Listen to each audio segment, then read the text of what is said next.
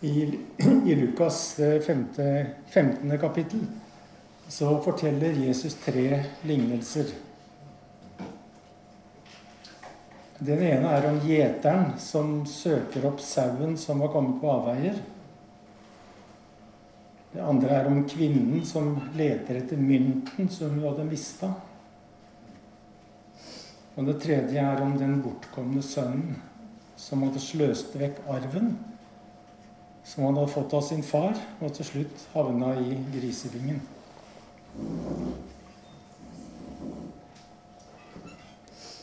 Når det gjelder den første av disse lignelsene, så har jeg tenkt litt som jeg tror vi mennesker gjør. Og Lignelsen den begynner med at Jesus stiller et spørsmål.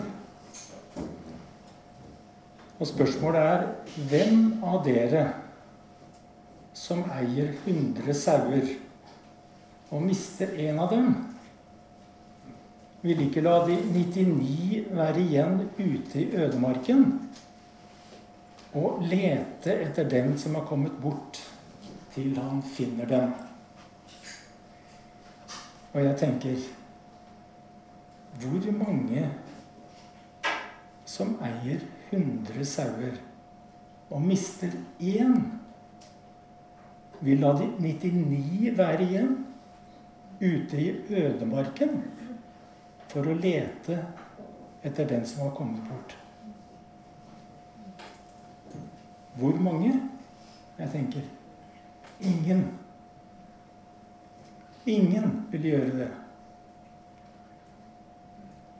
Det er jo helt fornuftsstridig. Det er dumdristig. Etter min målestokk. For jeg tenker, Da ville jo de 99 forsvinne i alle retninger i ødemarken. Og kanskje bli angrepet av rovdyr. Og så vil jeg miste alle. Jeg tenker De fleste ansvarlige gjetere ville vel tenkt det. Hva om jeg ikke finner den ene forvilla sauen? Og når jeg kommer tilbake, så er alle de andre også borte. Er ikke det en ganske nøktern og fornuftig tankegang? Men poenget her er at i denne lignelsen så er det ikke fornuftens lover som gjelder. Jesus forteller denne lignelsen for å beskrive hvordan han tenker. Han forteller lignelsen for å illustrere hva hvert enkelt menneske betyr for Gud. Og da rekker det ikke med fornuftige kalkyler. Da rekker det ikke med hva som er rasjonelt eller smart i den situasjonen. For det er ikke den menneskelige tankegang som styrer hva Gud gjør. Eller hvordan han bedømmer og evaluerer. Det er barmhjertigheten som styrer. Det er omsorgen, følelsene, ømheten og kjærligheten som styrer.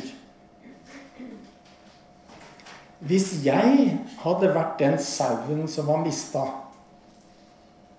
så ville jeg antagelig tenkt Jeg har rota meg sjøl så langt inn i ødemarken at ingen noensinne kommer til å finne meg igjen. Og ingen vil kaste bort tida ved å lete etter en sånn som meg. Jeg har gjort så mye dumt at det er helt utilgivelig.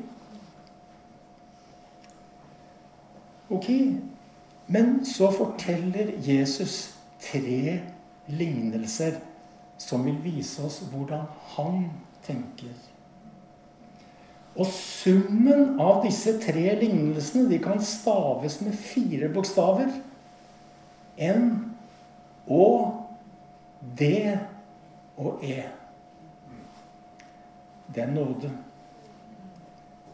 Alle disse i lignelsen handler om nåden. Og det underlige er at det ordet, eller altså hva det ordet innebærer, det er det letteste å glemme av alle orda som står i Bibelen. Det er ingen ord som det, er, som det, så lett legger seg et slør over. Det er ingen ord som er like utsatt for å bli diffust, utydelig og fjernt. Og det er ingen ord som på samme måten er tilbøyelig til å bli mosegrodd eller å støve ned i våre tanker. Og så mister vi synet på hvor sjokkerende radikalt det er. Og hvor fjernt det er fra vår tankegang om hva som er fortjent, hva som er rettferdig, og hva som er berettiget. For nåden er irrasjonell, urimelig. Den kjente engelske historikeren Tom Holland, som noen av dere kanskje har hørt om Så han som selv har blitt troende i voksen alder, han sier et sted at 'Christianity is weird'. Kristendommen kristendom er fornuftsstridig, absurd. Og det stemmer jo med det som apostelen Paulus skriver, skriver at evangeliet er en dårskap for dem som har gått seg vill i ødemarken. Men for den som hører Jesus roper, og som finner at han leter For dem er evangeliet kraft og visdom. Hos profeten Jesaja i det 55. kapittel så leser vi at Gud sier 'Mine tanker er ikke deres tanker'. Og deres veier er ikke mine veier, sier Herren.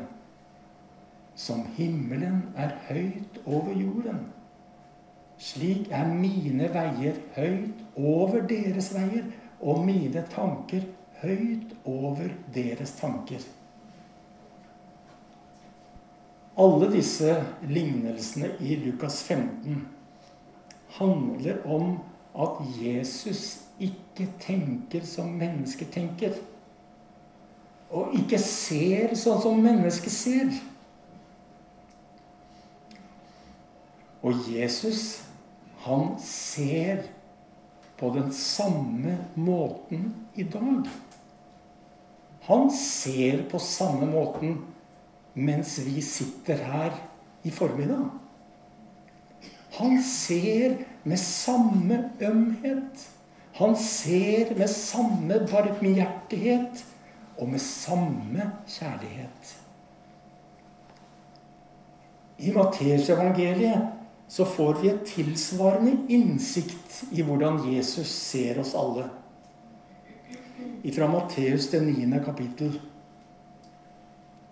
står det Da han så folkemengdene, fikk han en inderlig medfølelse med dem. For de var forkomne og hjelpeløse, som sauer uten gjeter. Da sa han til disiplene Høsten er stor, men arbeiderne få. Be derfor høstens herre sende ut arbeidere for å høste inn grøden hans. Derfor handler dette budskapet også om at han vil overføre eller implementere den samme omsorg den samme ømhet og inderlige medfølelse for de forkomne og hjelpeløse i alle avskygninger til oss som er hans disipler i dag. For finnes det forkomne og hjelpeløse mennesker i dag? Uten Gud til å lede dem hjelpe dem og vise dem ømhet? Finnes det mennesker som har mista håpet, troen og meningen med livet i dag? Finnes det de som er, uten, er som sauer uten gjeter? Vi må åpne øya, for høsten er stor. Derfor sier Jesus, be. Fall på kne. Høsten er stor, men arbeiderne få. Hvem vil ta ansvar? Ta ansvar for det Jesus ber, om, ber oss om.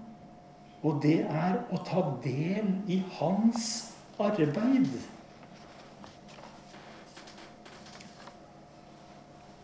Jesus vil vekke i oss som sitter her i dag, den samme følelsen. Den samme ømheten og den samme omsorgen som han har. Til alle mennesker som på forskjellige måter befinner seg i ødemarken.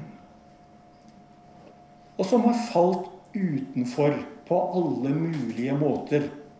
Og som har kommet på avveier og ikke finner hjem.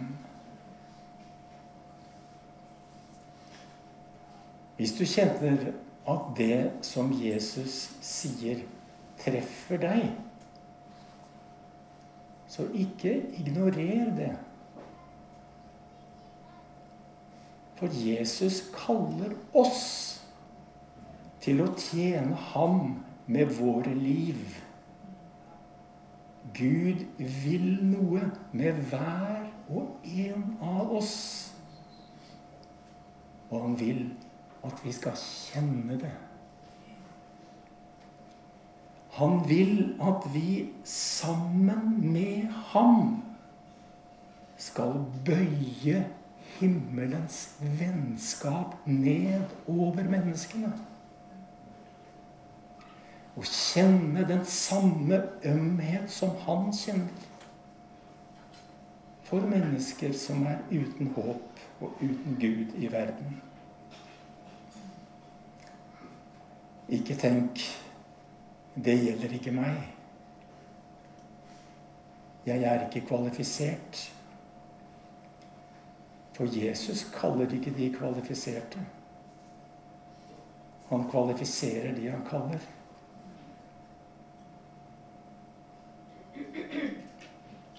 Jeg bøyer kne for å få hjelp til å tenke og føle sånn som Jesus gjør. Og jeg bøyer kne for å oppdage mitt oppdrag. Og det handler ikke om å være sterk. Det handler om å være sann. Det handler ikke om å være flink og effektiv. Men det handler om overlatelse og lydhørhet. Dypest sett så handler dette faktisk om at det er min og din oppgave, ikke kirkas som en abstrakt størrelse, men min og din oppgave, vår oppgave, og vet du hva vår oppgave er? Vår oppgave er å gjøre Jesus så vakker at han blir mer tiltrekkende enn alle avgudene i verden.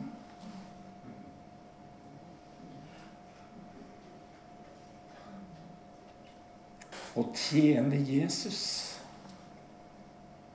det er å ta opp kampen mot de kreftene som har makt og autoritet i vår verden, og som styrer oss inn i ødemarken. Og det viktigste, og også det mest effektive vi kan gjøre, er å gjøre Jesus så vakker at avgudene mister sin glans. Autoriteten over avgudene og åndskreftene står i forhold til den autoritet vi lar Jesus få i våre liv. Vi behøver ikke å reise til et annet kontinent for å lete etter mennesker som har gått seg vill i ødemarken. Som har mista kontakten med Han som er den gode hyrden eller gjeteren.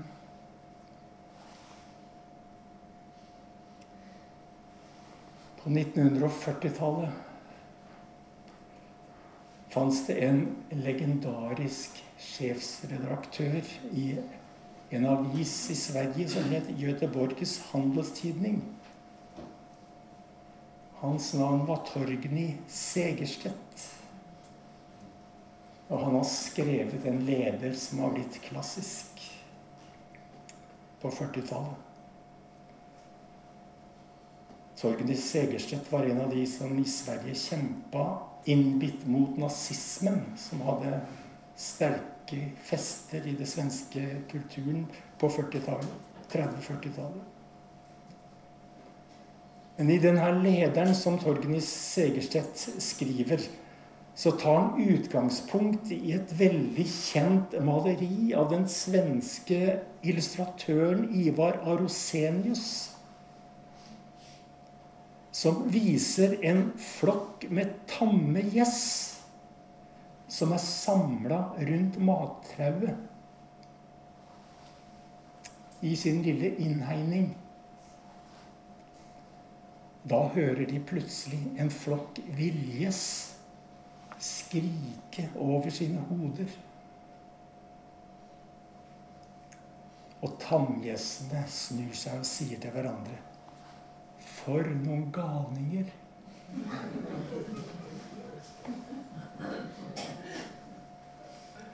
Og slik, mener Torgny Segerstedt, forholder de forsiktige og beregnende menneskene seg til dem som tar sin lengsel på alvor.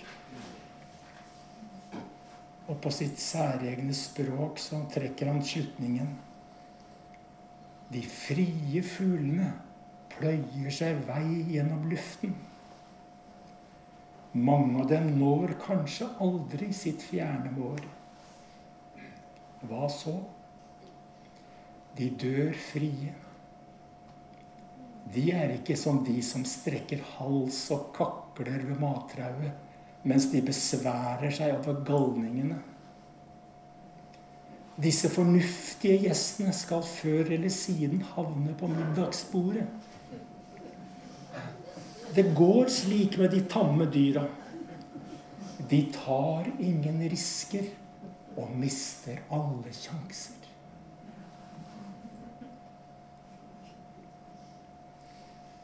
Det er ikke noe galt med de trygge og velkjente. Misforstå meg ikke. Det er heller ikke noe galt i å tenke, tenke kalkulert og fornuftig. Av og til skulle vi gjerne hatt mye mer av det. Og ingen skal bebreide meg om jeg, om jeg blir ved det trygge og forutsigbare. Grøpp er godt. Jeg er bra nok for det. Men jeg er overbevist om at jeg taper noe som bare galningene finner. Gud hjelpe oss.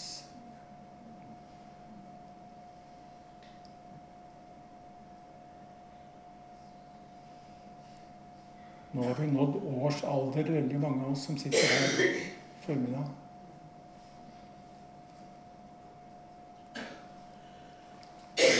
Jeg er sjøl en av de eldste iblant dere.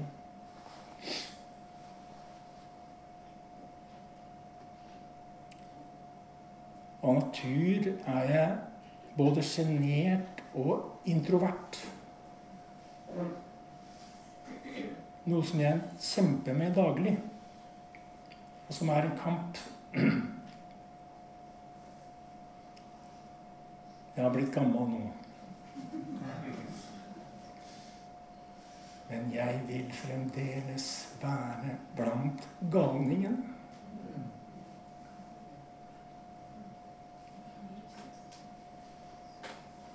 Jeg tror at Gud vil noe med oss i vårt liv, også når vi har nådd årsalder.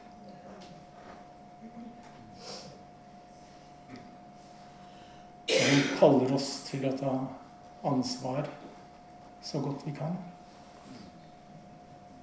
I det samfunnet hvor utrolig mange har havna i jødemarken. Og hvor behovet er stort.